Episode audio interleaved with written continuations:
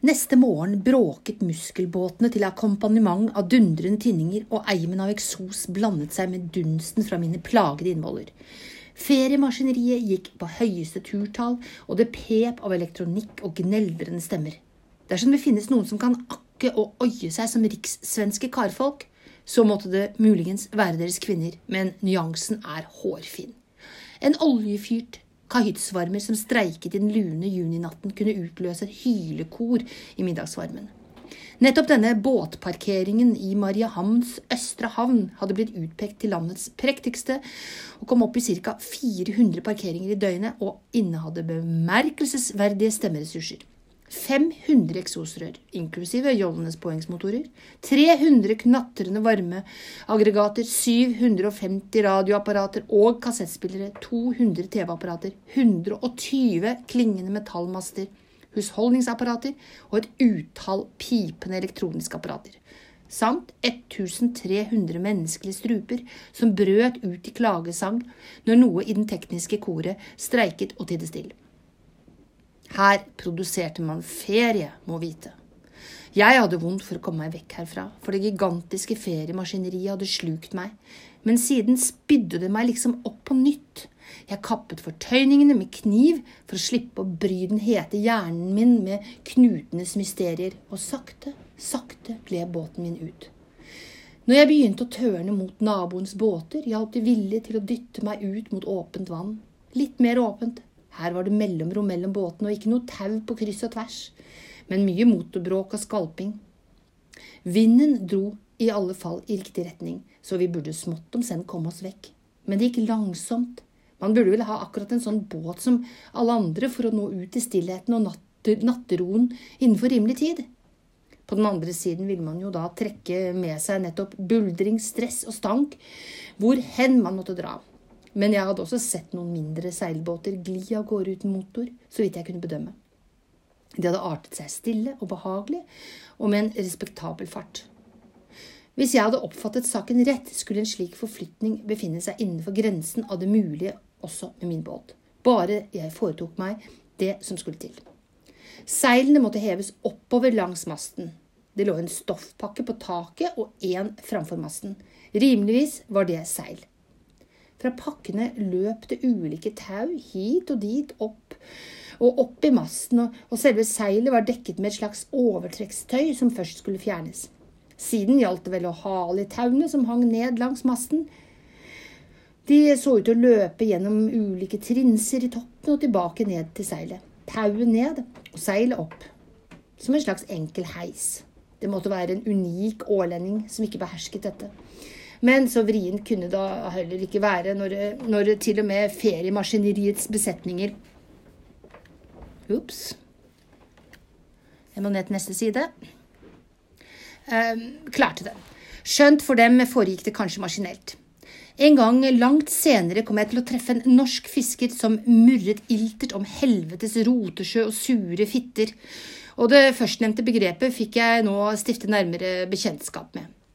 Det sistnevnte er meg fortsatt ukjent, og ettersom det sidestilles med helvetes rotesjø, skal jeg trolig være takknemlig for det. Den helvetes rotesjøen ble denne gangen skapt av campingvognen som pløyde på kryss og tvers i bukten og gravde opp massive bølger. En urytmisk, meningsløs bevegelse som overhodet ikke harmonerte med den svake brisen. Det ble en nerverende, rykkvis og duppende stamping. Båten fulgte absolutt ikke vinden, men ble kastet først hit, så dit av campingvognens bølger. Jeg begynte å kjenne på en lignende følelse som da jeg nylig våknet naken foran en folkemengde. En såpass sterk misnøye med situasjonen at jeg overveide å gripe aktivt inn. Den gang hadde jeg fjernet meg gående, men nå hadde jeg bare vann rundt meg. Heiseseil, altså. Slik innledet jeg min sjømannskarriere. Seilet foran masten virket mindre i format og hensiktsmessig å håndtere. Jeg avmonterte beskyttelsestrekket og noen taustumper som nærmest så ut til å låse seilet i hvilestilling. Og etter en tids eksperimentering ved masten hadde jeg også funnet det tauet som via mastetoppen løftet omtalte seil.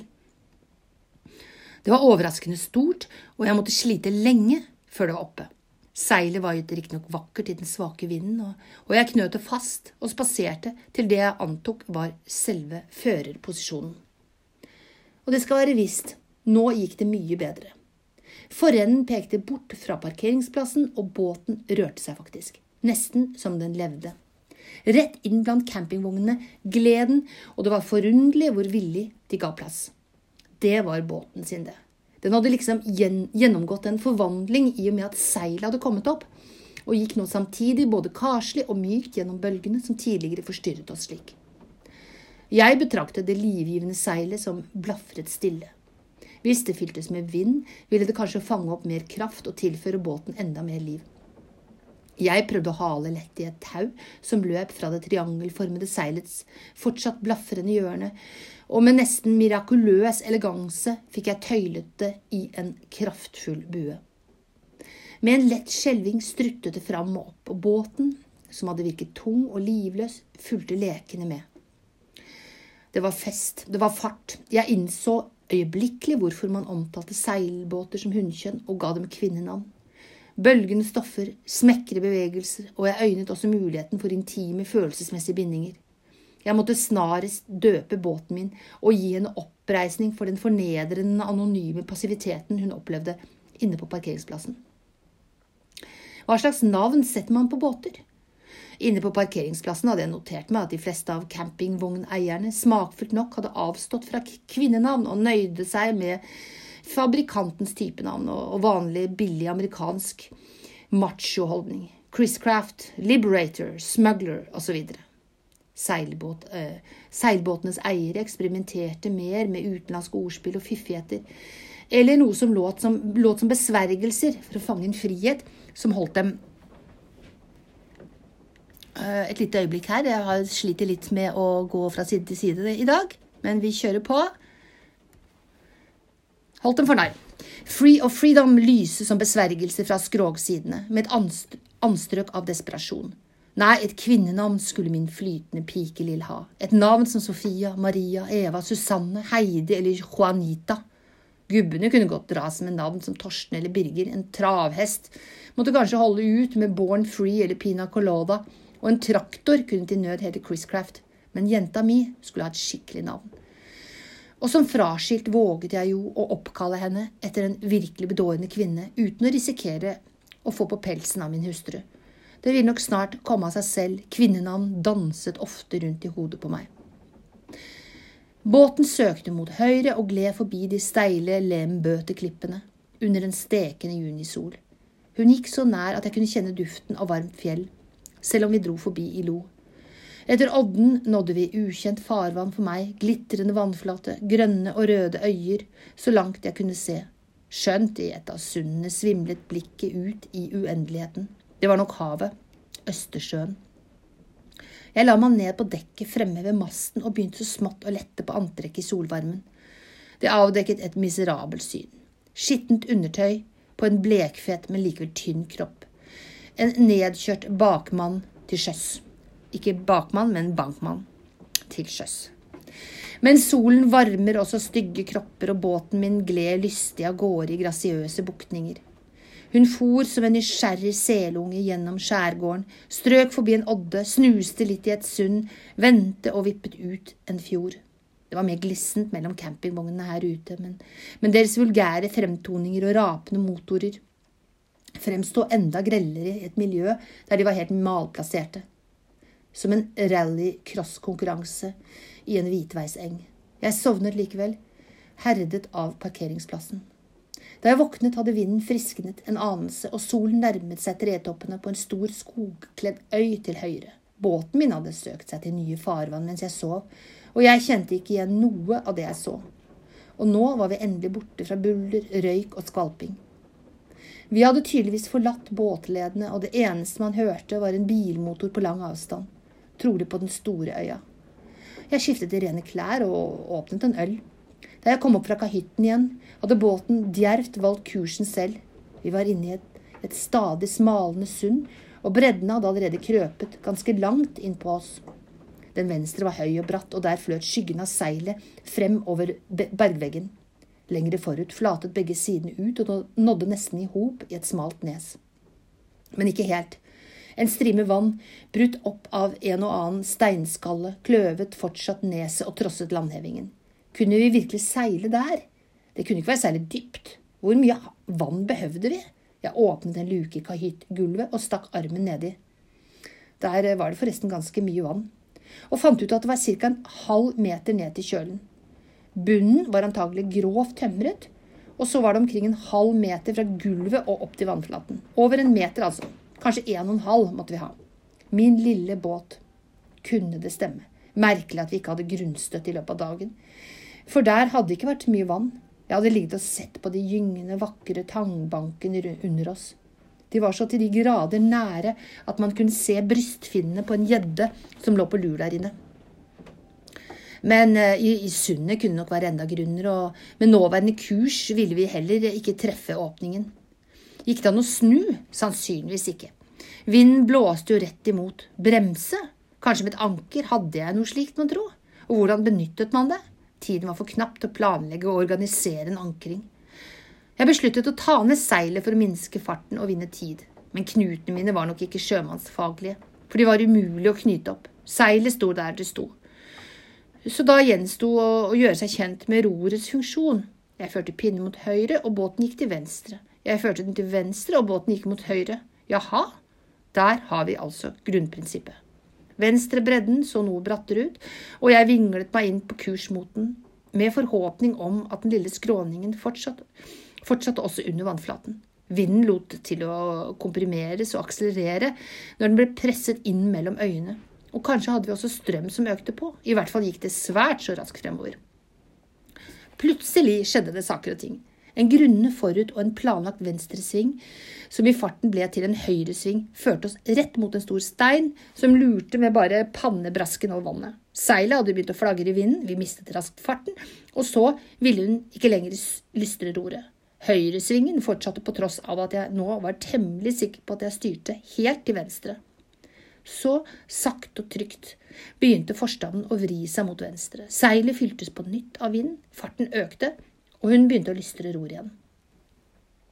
Denne manøveren hadde ført oss til høyre for steinen, gjennom et område på noen meters bredde og videre i en venstresving, der vi med nød og neppe unngikk strandlinjen som også buktet seg mot venstre.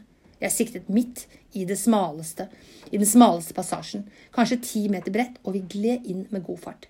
Sandbunnen steg sakte, men sikkert, og steiner og bergknatter sveipet forbi. Vi var nesten gjennom da vi skrapet mot bunnen og farten minsket. Så et dump, et byks og et kniks. Vi var gjennom elegant. I solnedgangen styrte vi nå ut gjennom en helt annen type skjærgård. Åpnere, lavere og mer naken, med store fjorder vugget av lave dønninger. En stor del av synsfeltet endte i, i ubrutt horisont.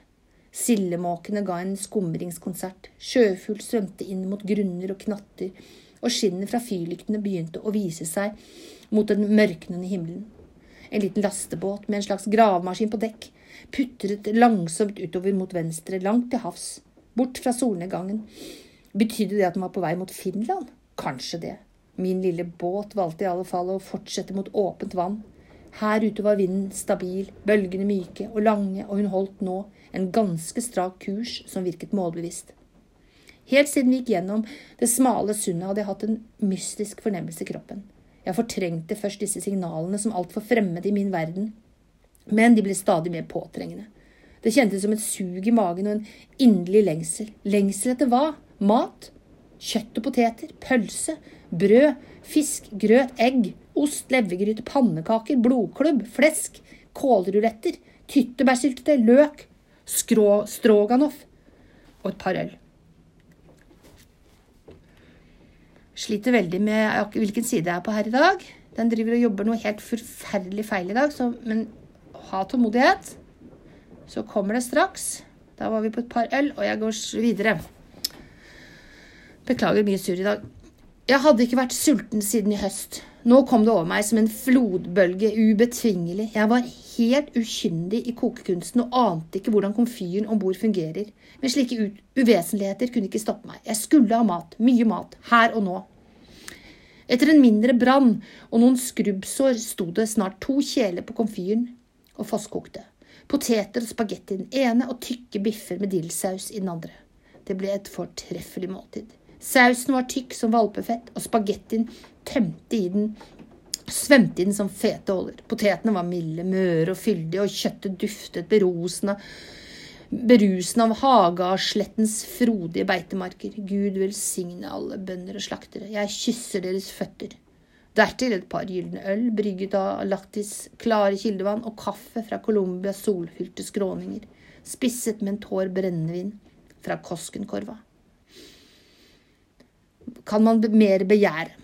Ja, en sigar og jammen fantes også det om bord, på en liten hylle under brennevinsskapet. Messer Henk i mellomstørrelse. Jeg oppgraderte sitteplassen med et par puter i det ene hjørnet, dro et pledd over meg, lente meg tilbake og tente sigaren. Tankene vandret avslappet. Sigar, Cuba, cubanerinner, spenstige lårmuskler, tango. Christina Huckert. En praktfull kvinne. Jeg kunne se henne for meg i rettssalen, der hun forvandlet lokalet til en tangokafé med sine turer over gulvet, mens vi i juninattens lys nærmet oss et glissent bånd av lave, svarte øyer og grunner. Til høyre lyste et stort fyr, og langt akterut, bakenfor en stor fjord, skimtet jeg skinnet fra en bilferge. Båten gynget mykt i dønningene, og i mitt indre gynget Kristinas djerve hoftebue. Parallellen var åpenbar. Kristina skulle båten min hete. Jeg stadfestet dåpen med en enkel seremoni. Skvettet litt ungarsk vin over fordekket, drakk opp resten og knuste tomflasken mot et jernbånd i baugen. Kristina seilte inn blant småøyene, og jeg flyttet meg nærmere roret for å kunne hjelpe til med styringen dersom det ble nødvendig. Vi var nå fjernt fra det campingvognhelvetet jeg hadde flyktet fra, og man kan spørre seg hvorfor jeg ikke ankret. Med min daværende kunnskap kunne jeg jo ikke ane at en så lite skjermet samling av små skjær ble til en skummende dødsfelle for seilbåter dersom det blåste opp. Jeg var rett og slett mett og fornøyd. Kristina seilte aldeles fortreffelig, og jeg hadde lagt meg til vanen med å ikke gripe inn i hendelsens utvikling. Så hvorfor skulle jeg gjøre det nå, når jeg hadde det bedre enn på lenge? Nei, jeg satt bare innhyllet i pleddet mens vi gynget frem mellom mørke grunner og små skjær. Bare ved et par tilfeller grep jeg inn med mindre kursendringer, med mindre kursendringer for å unngå grunnstøting, og snart la vi øygruppen bak oss og stevnet ut i åpent farvann. Faktisk kunne man bare se land akterut, men det måtte være på grunn av mørket.